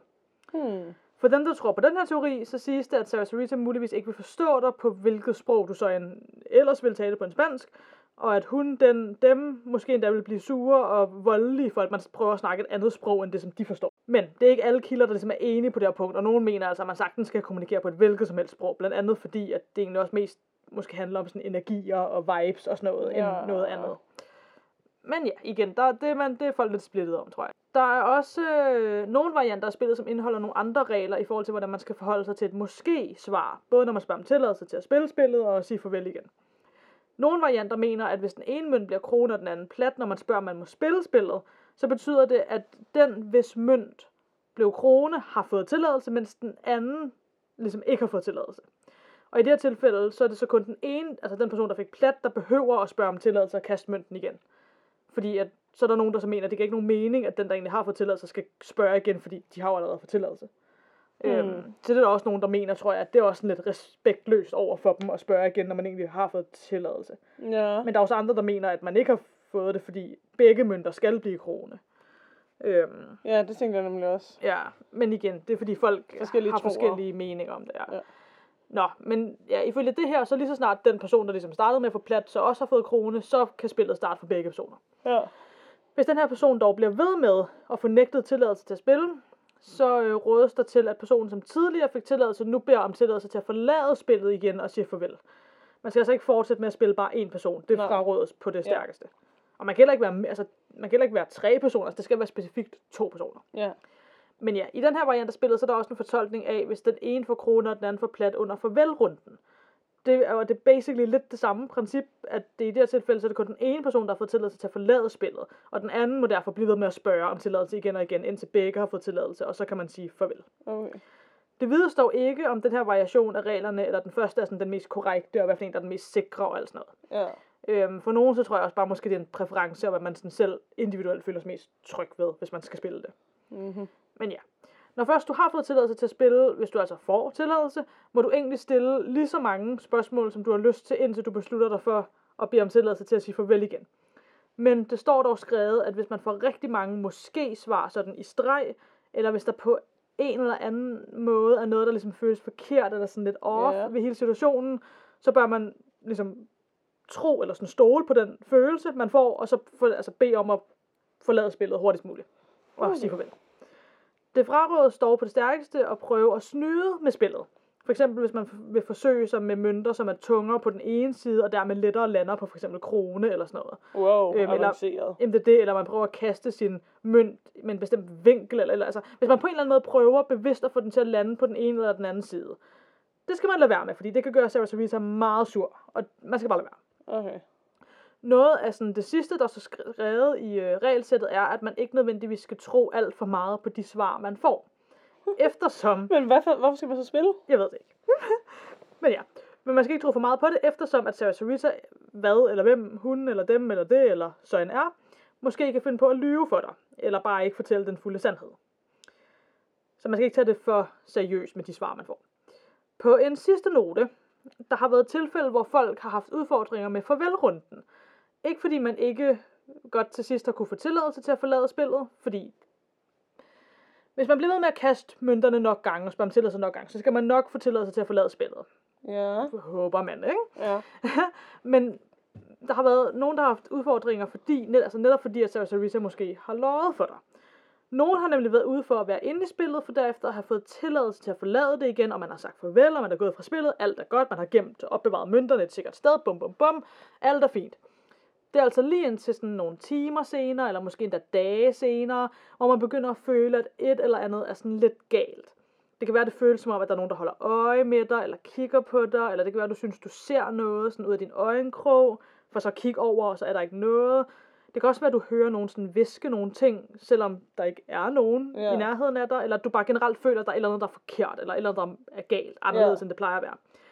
Øhm, hvis det her sker for dig, efter du har spillet spillet, også selvom du fik tilladelse til at forlade det igen, så råder reglerne dig til, at du finder din mønt frem igen, altså den samme mønt, sætter dig på gulvet, og det, jeg forstår det som, at det her kan du godt gøre alene. Okay. Så sætter du dig på gulvet, så skal du så spørge, og jeg synes, det, her, det er virkelig creepy, men så skal du spørge, Sarah Sarita, er jeg stadig i dit spil? Ej, det er klart. Ja. ja. Og så kaste mønten over skulderen. Og spørgsmålet er jo så bare, om du overhovedet kan stole på det svar, du får her også. Altså, det er jo ikke... Men hvis du svarer der overhovedet, så er man vel, eller? Ja. Ja, det, øh, jeg ved det ikke. Ja. Men ja, og det er, netop, det er også det næste, jeg har skrevet. Sådan, er det her overhovedet et svar fra Sarah eller er det bare en mønt, du kaster, som vil lande på den ene eller anden side? Man Ja. ved det ikke, men ja. Igen, det er måske også derfor, du skal tænke dig en ekstra gang om, før Inden du du spiller spiller, spillet, ja. fordi åh, det kan bare være... Men hvad gør man så, hvis man stadigvæk er i spillet? Så ripper man. Så må man spørge om tilladelse til at forlade det igen, og håbe, at hun ikke ly, eller den, dem ikke lyver for dig. Ja, Jeg ved, ja, jeg ved, jeg ved det ikke. det er creepy. ja, det er måske derfor, man bare skal lade være. Ja. Øhm, baggrundshistorien bag spillet, eller nok en af sådan, de her mest populære historier eller legender, går ud på, at Sarah og Sarita var to tvillingesøstre, som gik i skole i Mexico. Og det her, det er jo så, altså det er som sagt den mest populære teori, for der var også den anden med, at Sarah Sarita er Lucifers datter og sådan noget. Ja, ja, Men det her det er den mest populære teori. ja. De her to tvillingesøstre, de havde et meget tæt forhold til hinanden, og de bar begge to matchende mønter i en halskæde rundt om halsen. Okay. De var begge to en del af sådan cheerleading-holdet på skolen, de gik på. Nå, så de er nyere, altså de er ikke fra 1600-tallet.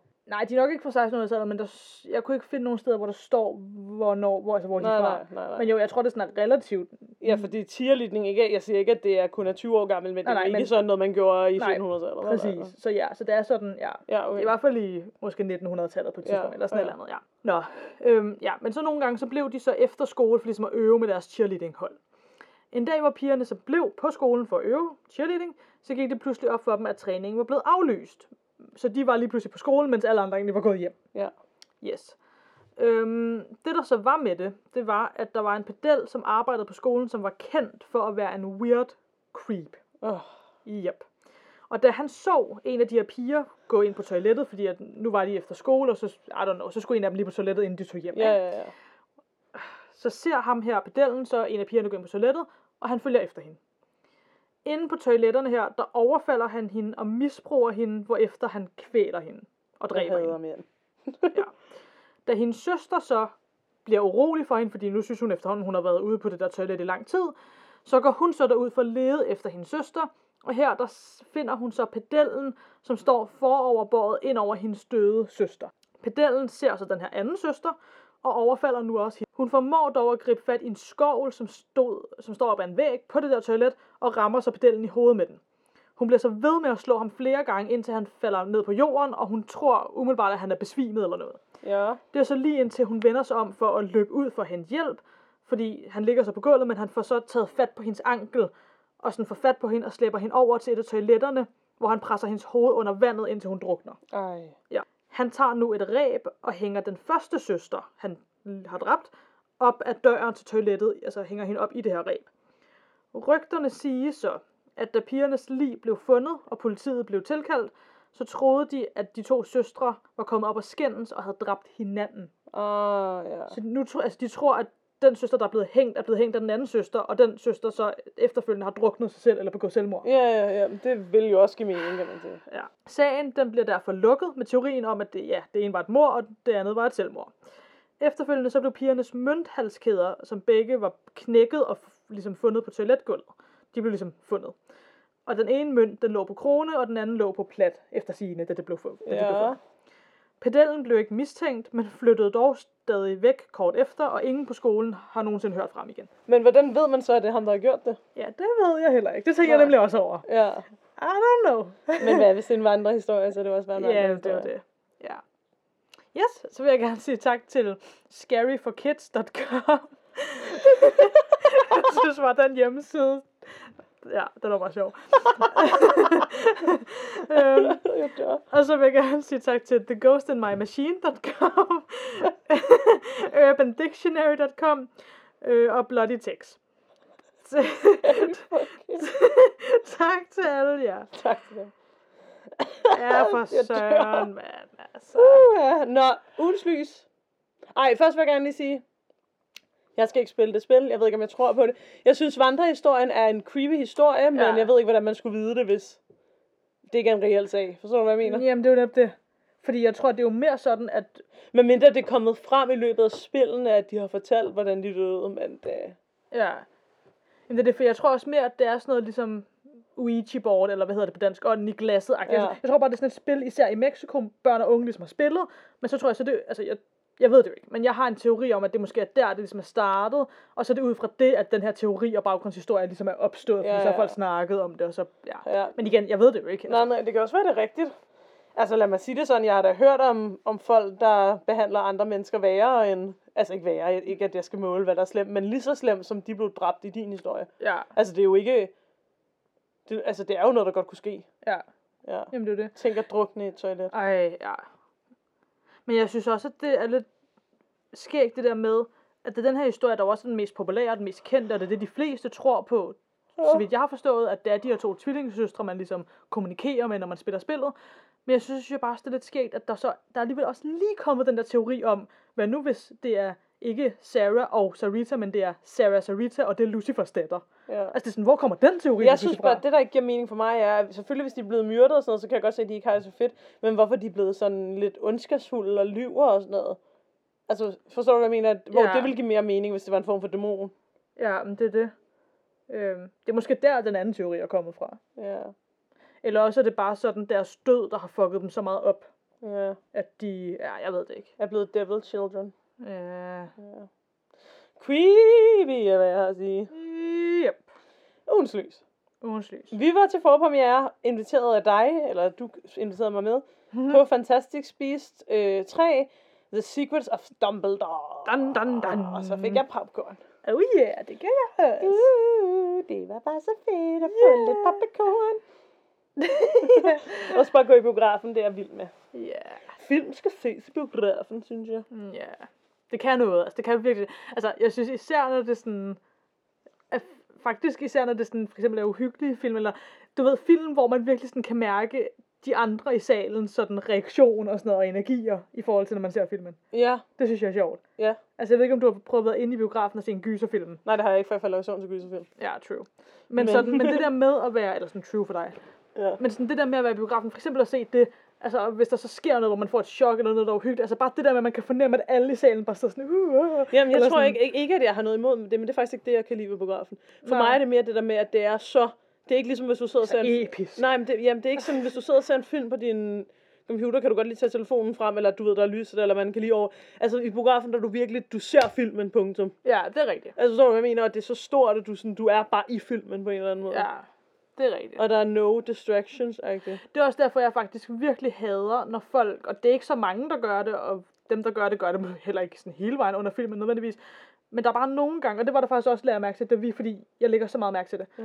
Øhm, det der med, at der er nogen, der kan finde på lige pludselig under filmen lige at tage deres mobil frem. Og Ej, det er så irriterende at tjekke klokken eller sådan noget. Ja, præcis. Hvis du endelig skal tjekke klokken, fordi du er bange for, at du ikke når en aftale, så- så gør det nede i din taske mega diskret. Eller Præcis, eller andet, ja. fordi jeg har det også sådan, altså det er jo ikke fordi, at jeg sådan så hader jeg bare den person, Det selvfølgelig jeg. ikke. Men, men det er mere bare sådan det der med, jeg, så bliver jeg så distraheret, hvis jeg lige pludselig kan se sådan lyset fra en mobil, en eller anden, der kigger på den. Ja. Der er jeg virkelig sådan, Jeg var inde og se en forestilling forleden, hvor der var en, der begyndte at sidde og sms under forestillingen.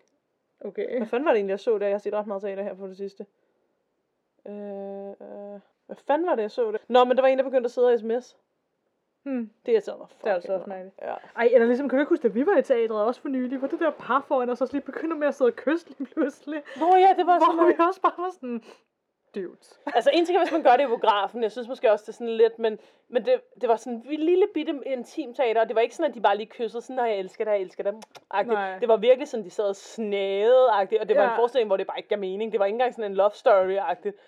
Og de sad bare, og det var en meget lille intim teater, man Men- sad meget tæt. Ja, fordi det er bare det der med sådan, en ting var, hvis nu, altså sådan, så kan man stadig sige ting om det, hvis det er det, men sådan, en ting var, hvis nu de havde siddet, du ved, helt bagerst oppe i hjørnet, hvor der var ingen, På det kongelige teater, eller Ja, sådan det noget, var. ja. Men det der med, altså måden, vi sad på i det her teater, altså, det var bare sådan, det var lige foran vores ansigter Ja. nærmest, følte Ja, ja, det var sådan, der At var sådan- måske ikke engang en halv meter fra mit ansigt til Ja. deres snav. Det var også det, altså, Ja, ja, sådan, så det altså var ikke sådan- engang, at vi kunne sidde og bare sådan ignorere det, eller nærmest ikke lægge mærke til, at det var virkelig sådan, wow, okay, I sidder lige pludselig lige foran os og snæver. Og det er ikke fordi, at jeg synes det godt, man må vise affection i, Ja, ja, ja. i ja. offentligheden og sådan noget, ikke? men jeg er bare slet Det var ikke bare det der. situationen, der var sådan lidt weird. Nej, men jeg, jeg tror bare heller ikke personligt, jeg er til at sidde og råsnave sådan der i et lille bitte intimt teater. Det vil jeg aldrig gøre. Nej. Jeg ved godt selvfølgelig, hvis man først er forelsket og bullshit, bullshit, Ja, ja. bullshit. Ikke? Men sådan, så, kan man Men- sidde, så kan man sidde og holde i hånd, Ja, og du ved, så kan man... ja, men det er også, jeg tror også, det er fordi for mig, så synes jeg også noget af sådan det der er, nu ved jeg godt, det kan være, de var kærester, muligt. Ja. men jeg kan også godt lide den der, øh, den der sådan uge, it's a secret, eller sådan uge, ingen må se det, uge, det ved jeg godt, også normalt er meget i starten af en op, altså, Ja, ja. men det er måske også derfor, jeg synes, det er så fedt lige i starten, eller sådan, ikke? Men sådan, så for mig ville det bare være meget mere sexy, hvis de havde, altså ikke for mig, men altså, hvis jeg, havde været en af dem, Ja. hvis de havde siddet sådan lidt og flettet fingre og æde hinandens hænder, eller sådan noget. Ja, og netop altså med tanken om sådan... Der er ingen, der må se det. Uh, og sådan, ja. hvad skal vi bagefter? Ja, præcis. Sådan, ja, ja, Uh, ja, sådan, at det var en form for sådan foreplay, må jeg sige. ja, enig. Øh, end det der med sådan, det var straight up, sådan, der er no secret her, det er bare min tunge ned i din hals, og den, der sidder bag os, de kan ikke undgå at se Det er bare sådan non-secret, eller sådan. Men det, det kan også være, at det var, fordi det var det, de tændte på. Altså, de vidste, vi sad lige bag dem. Og de sådan tændte på, at vi bare har været sådan, hvad laver I? Ja.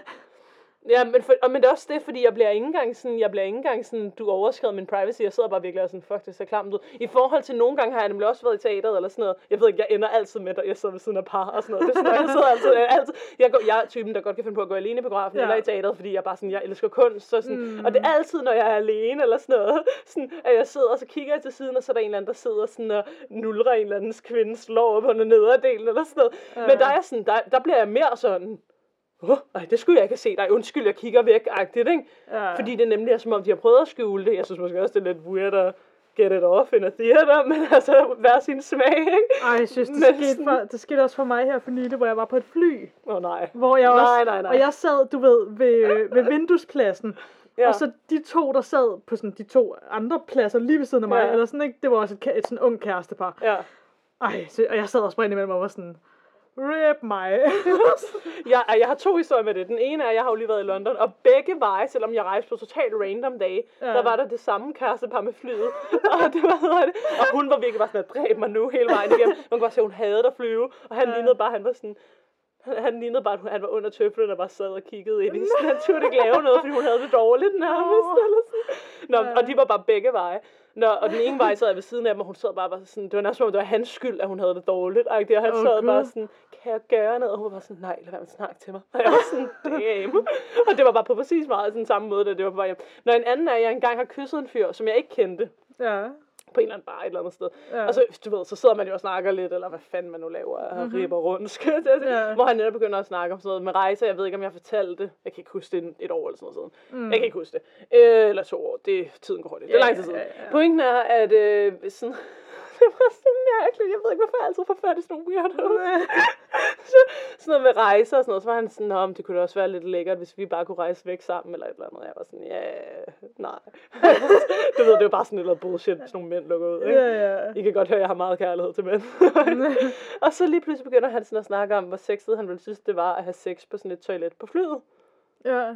Og jeg kan bare huske, sådan, jeg kan huske, at jeg ligesom sidder tæt sammen med ham, og jeg begynder sådan stille og roligt at læne mig væk og være sådan, fordi så begynder jeg bare at tænke sådan, hvem er det, jeg kysser? Fordi jeg, kan, jeg ved jo godt, at der er mange, der har det som sådan fantasy eller sådan noget, ikke? Ja. Og det er ikke fordi, jeg er også inden for sådan, at man skal udleve sin fantasy, så folk har forskellige og sådan noget. Men lige der, der var jeg virkelig sådan her, har du været på et flytoilet?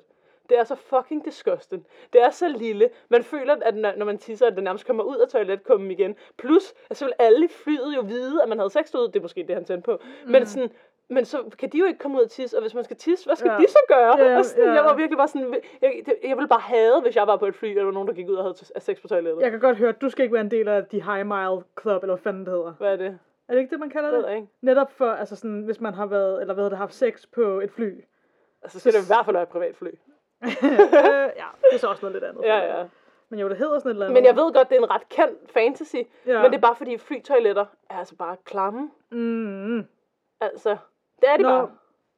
ja, mile high club, eller vent, hvad? Er Men på den anden side, så ved jeg jo også godt, hvis man så først var vild nok med en fyr, og man var liderlig, og han så, altså sådan, jeg, jeg kan jo godt sætte mig ind i, hvordan det kunne Ja, ske. ja.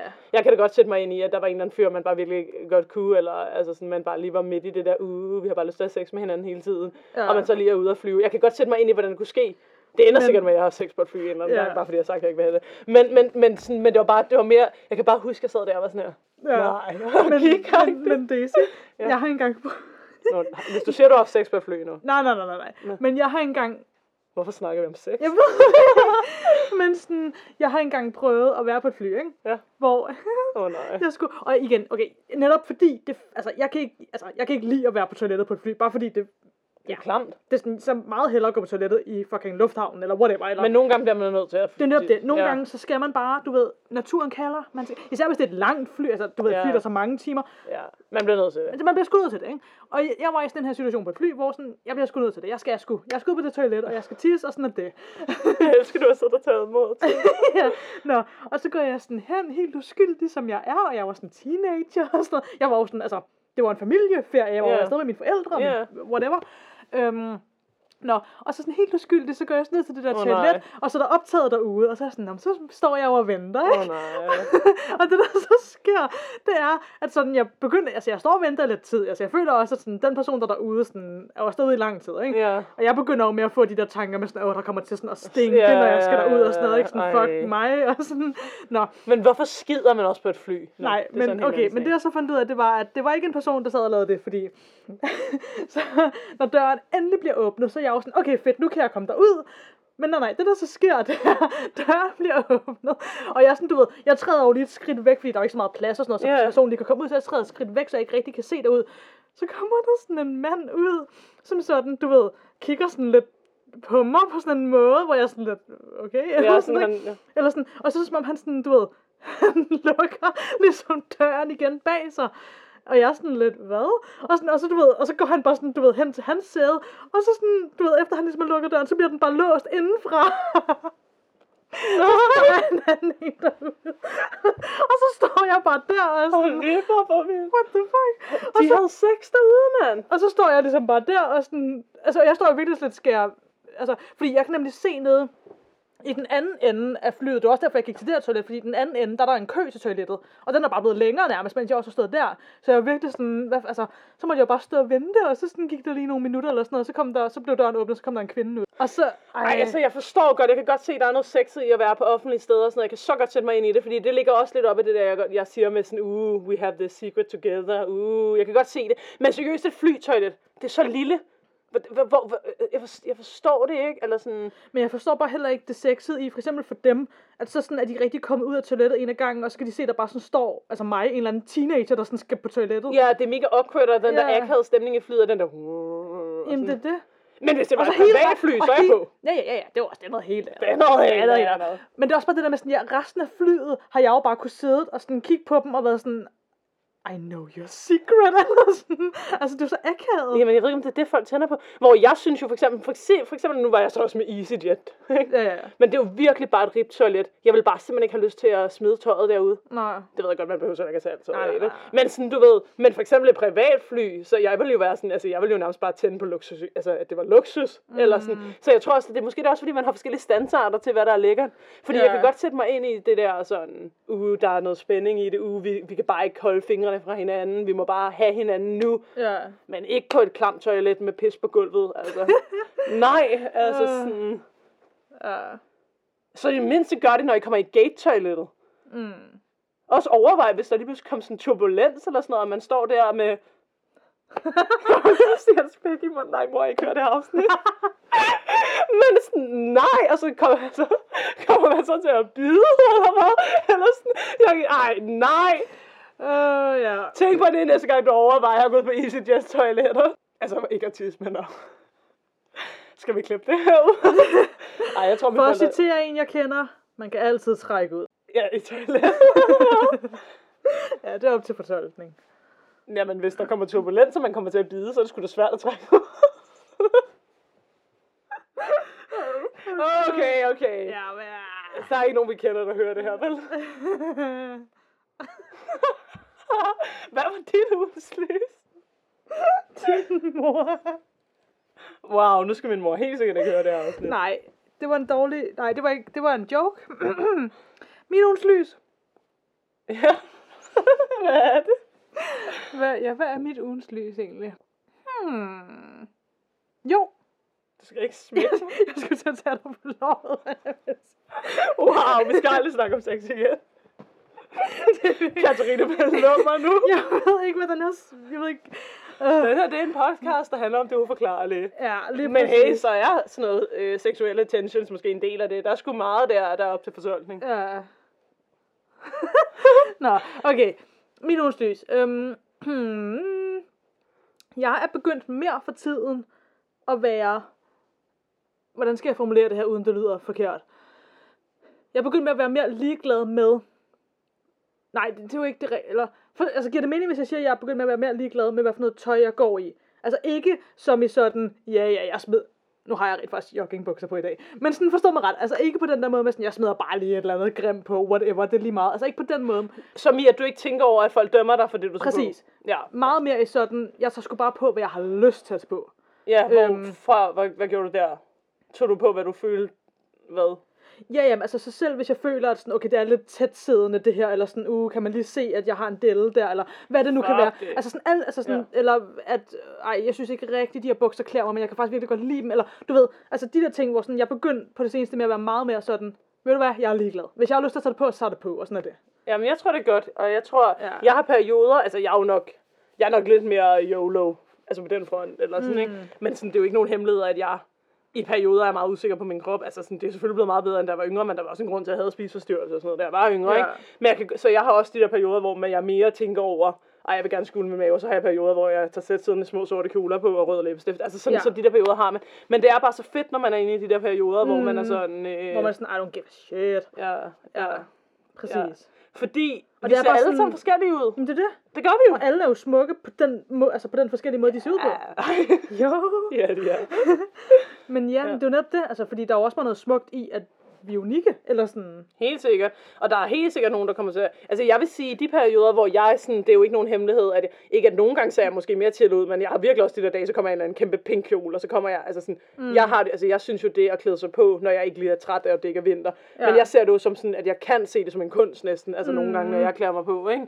Ja. Og, sådan, og man får bare komplimenter, når man bare... Også selvom at man måske... Altså, det, jeg blev tit spurgt, skal du til fest i aften? Og så er jeg bare sådan, ja, så bare gør det. ja. Tit skal jeg også til fest. Men ja, ja, men, du ved. men ja, ja, det er det, og det sgu bare nice. jeg vil bare sige, når man begynder at føle, at ens tøjgame er bedre end alle andres tøjgame, Mm. så er man nået the end of the game. Ja. Wow. Så er det endgame. Det, Så er det endgame, du. Ja, for sær. Og det er jo også det, fordi så kan man altid tænke på, hvad der er moderne, eller hvad andre vil have på, sådan noget, men det er jo netop det, der er så fedt ved tøj, det er jo, Nå, jamen, det kan godt være, at der er en anden, der har noget andet pænt på, der ser godt ud på dem, men det er jo en selv, man klæder sig selv på. Ja, Eller sådan, så, så fuck om det lige sidder lidt tæt siden, og man ikke er lige så tynd som en eller anden lille pige, der ligner, hun er 14 år gammel, fordi din krop ser stadig flot ud. Eller, mm. altså, forstår du, hvad jeg mener? Ja, jamen, det er det. Øhm, Og jeg tror da også, at man ser bedre ud, når man bærer af sig selv med selvsikkerhed. Ja, 100 procent. Så, så er det ligegyldigt, hvor grim man er, skulle jeg til at sige. Nå, når man, altså 200 procent. Ja. Fordi sådan, det, andre folk kan jo mærke det lige med det samme. Det kan godt være, at de ikke tænker tanken aktivt. Ja.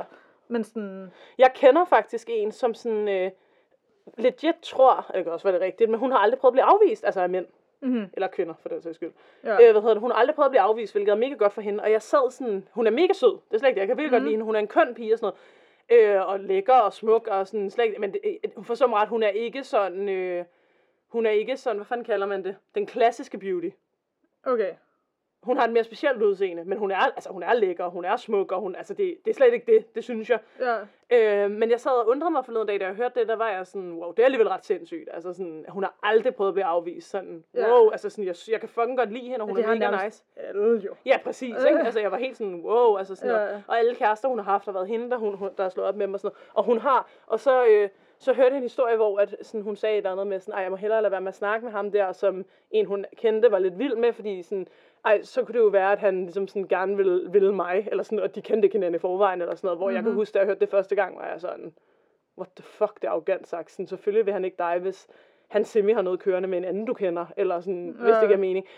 Men hun, fordi hun er så godt et menneske, så vidste jeg jo ligesom, det ikke kom af et arrogant øh, Mindset. Ja, eller sådan, og så tænkte jeg bare lige over forleden dag, at sådan, øh, ja, at sådan, måske grunden til, jeg ved godt, det lyder lidt syret, men hvis du ligesom op i hovedet har den tanke, lidt ligesom hvis man har tanken om, jeg er tyk, eller jeg er så ligegyldig, om man er tyk eller ej, vil man jo altid føle sig tyk, og det vil man ligesom bære med sig.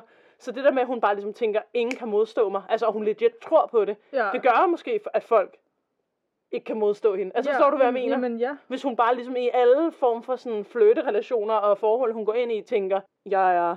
Mm. Jeg ved jo, at du falder for mig, fordi det gør alle. Så ikke af en arroganthed, men nærmest som sådan en, det er min forbandelse. Ja, ja. Nå, men Eller- 100 ja. procent. Altså, det kan jeg helt sikkert også godt altså, mærke, når jeg kigger på forskellige perioder af mit liv. Altså, Ja. jeg kan helt sikkert også mærke, at sådan, når jeg selv har haft mega dårlig selvtillid og lavt selvværd og bla bla bla, Ja. ja. det og det andet, eller sådan, og netop har haft de der tanker med sådan, der er jo ingen, der kan lide mig, hvorfor skulle de det, bla Ja, bla ja, bla. jeg klarer mig, jeg er Så det er sådan, ja, jamen, så er der måske, det er jo ikke fordi, at folk nødvendigvis er sådan, jeg hader dig, men sådan, ja, jamen, så Men man udstråler bare ikke sexy tension. nej, præcis, og så er der måske også mange, hvor det sådan, jamen, så går de bare hen til nogle andre i stedet for, hvis, altså, eller, du ved, Hvis man sidder og ribber, så er det sgu da klart, at der er ikke nogen, der gider at flytte med dig. Jamen det er det. Ja, altså, ja. Og så kan jeg kigge på andre perioder med mit liv, hvor jeg sådan har haft høj selvtillid og bare været sådan, ja yeah, man, wow, wow, wow. Eller jeg ved ikke, hvad det var. sådan, Wow. wow, wow. Men sådan, du ved, hvad jeg mener. Altså, hvor det sådan, ja. Så til, mm. altså, sådan, man udstråler bare meget mere positiv energi, og det, sådan, det smitter bare af, og det er bare, altså ja. Helt sikkert, der er mange af mine veninder, selvom jeg overhovedet ikke har det som hende der, den søde pige, jeg kender, som bare alle bare elsker og aldrig bliver afvist. Jeg bliver afvist, det er slet ikke det. Mm-hmm. Men jeg, er, jeg har en meget sådan flirtende energi. Mm. Altså sådan til et punkt, hvor mange af mine veninder er sådan, altså de er jo altid sådan, hvordan gør du det? Hvordan får du alle mænd til bare at gå hen til dig? Hvordan får du alle mænd til bare at snakke med dig? Og sådan noget. Hvor det er jo ikke noget, jeg tænker over, men netop som du siger, det er en, så er det jo ikke nødvendigvis, fordi jeg har god selvtillid. Det er måske mere bare, fordi jeg er meget øhm, højlydt, eller sådan ikke, at jeg står og råber, men sådan, og jeg har nok også god selvtillid på nogle punkter, mm. og så har jeg dårlig selvværd på andre, eller sådan. Men jeg tror også, du har ret i, at det er en form for udstråling, at folk tænker, hvis man er den i gruppen, der ligesom siger en joke, og folk griner, så ja. har de også lyst til at øh, Joke ja. med dig, og- Og, og ja. jeg synes, det er ikke nogen hemmelighed. Jeg kan godt lide at flytte. Altså, jeg Mm. flytter jo altså, det meste af tiden for sjov, og tit lidt ja, ja, Og overdrevet. bare sådan ikke? vennefløjt. Jeg venneflytter ekstremt meget. Ikke? Ja. Så, sådan, så det er jo klart, at hvis man står og sådan snakker, ja, hvis der er en eller anden bar, bar og jeg står oppe ved baren, og der er en, en eller anden fyr, der kommer hen ved siden af mig, og han så lige bomber ind i mig, og øh, jeg så siger en eller anden joke til ham med det, og han lige stykker tilbage, så hurtigt står man jo og flytter. Mm. Men hvis, fordi det er jo fordi, det er sådan, "Nå, det er jo nemt at snakke. Jeg har det jo sådan her, jeg kan snakke med alle. Ja, ja, det, Altså, det. det er jo sådan, det er jo den, lidt ligesom hun føler, hun aldrig kan blive afvist, så er jeg sådan her, ligegyldigt hvilken person, der står foran mig, så kan jeg snakke med dig. Det er Ja. ligesom det, jeg, sådan den tanke om mig selv, jeg har, ikke? Ja. Hvilket selvfølgelig gør, at så føler han sig inviteret, eller hun, til at kunne snakke med mig, altså mm. uden at det nødvendigvis betyder, sådan, at vi skal hjem og have sex.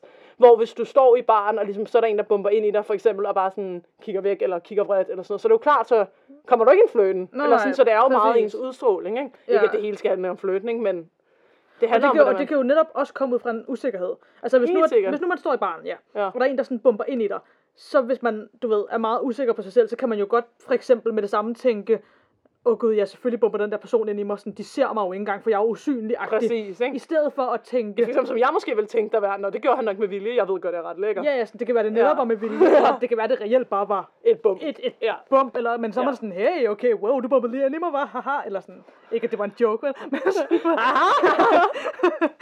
Det skal lige siges, jeg synes altså ikke selv, jeg er lækker altid. Jeg har også dårlig selvværd som alle andre derude. Ja, ja, ja. Det var en, det var en overdrivelse, der frem var forståelsen. ja, Øhm, som man siger. som man siger. Men ja, så jeg tror helt sikkert på, at man bare skal tage på, hvad man har lyst til. Man skal da bare mm. gøre, hvad man har lyst til. Også fordi, hvis man bruger, jeg, det vil jeg gøre for mig her, omkring 25 år gammel, at hvis man, det er jo ikke fordi, jeg anser mig selv for at være en af dem, der har prøvet at være, som andre gerne vil have mig, men selvfølgelig er vi jo alle sammen unge og usikre og sådan noget. Jeg er bare nået et punkt, hvor jeg sådan her, jeg gider sgu ikke lave mig om, for at folk kan lide mig. Nej. Eller gå i noget tøj, for at folk bedre kan lide. Selvfølgelig må man godt tænke, jeg håber, at folk synes, jeg ser godt ud i det. Altså, det er der jo, alle tænker over, hvordan, altså, man vil jo gerne have, at folk synes, man har noget pænt tøj på, eller sådan. Men, eller jeg gider heller ikke, øh, for eksempel har jeg meget, da jeg var yngre, fået fortalt, at jeg snakker højt, og det var mega irriterende, når folk synes på mig, og nu er jeg nået et punkt, hvor jeg er sådan, ja, yeah, ved du hvad, så må du lade være med at være venner med mig, hvis du ikke kan holde ud, jeg snakker højt. Mm. Og ja, jeg, jeg har for eksempel, her- jeg synes jo ikke, ting er pinlige, for eksempel. Så det er jo ikke fordi, at jeg sådan sidder på en restaurant og sådan stiller mig op og danser og skriger. Men jeg kan godt for eksempel, hvis jeg har høje støvler på, og jeg har haft ondt i fødderne, fordi vi har gået lidt, så kan jeg godt finde på at tage mine sko af. Mm. For eksempel. Hvor at der kan nogen, som nu ved jeg godt, vi også er teatermennesker, er måske lidt travle. Der er jo nogen, der virkelig er sådan, ej, vi er på en restaurant, du kan ikke tage skoene af. Hvor der er jeg lidt mere sådan, hvor er, hvorfor ikke? Eller Ja. sådan, ikke? Det er sådan, så længe man ikke skader andre, sådan, så kan man sgu da, hvad man vil. Så, så kan man gøre, hvad man vil. Ja. Øh, og jeg tror bare, altså sådan, fordi altså folk, de kommer og går. Og folk, mm. de er nogle søde mennesker, og nogle andre er nogle røvhuller. Ja. Altså sådan, man måske, så længe man ligesom står op for, hvem man er, tager det på, man gerne vil, gør de ting, man gerne vil, mm. øh, har de hobbyer, man gerne vil, og ligesom hænger ud med de mennesker, man gerne vil, så må folk skulle rende op. Yeah. Så ved du hvad, næste gang jeg ser dig, har du spansk på. Wow. Var det en request fra dig, var der med ja, tak. Nu er vi jo begyndt at snakke om den slags. Nå, men skal vi sige, det var det? Ja, lad os det. Jamen så until then. Og til alle ånderne derude. Please don't hjemse os. Det er altså også forvirrende, jeg har to linjer. Og du holder altså den der sådan kunstpause efter den første. Nå, men uh, til alle ånderne derude. Please don't hjemse os. Farvel.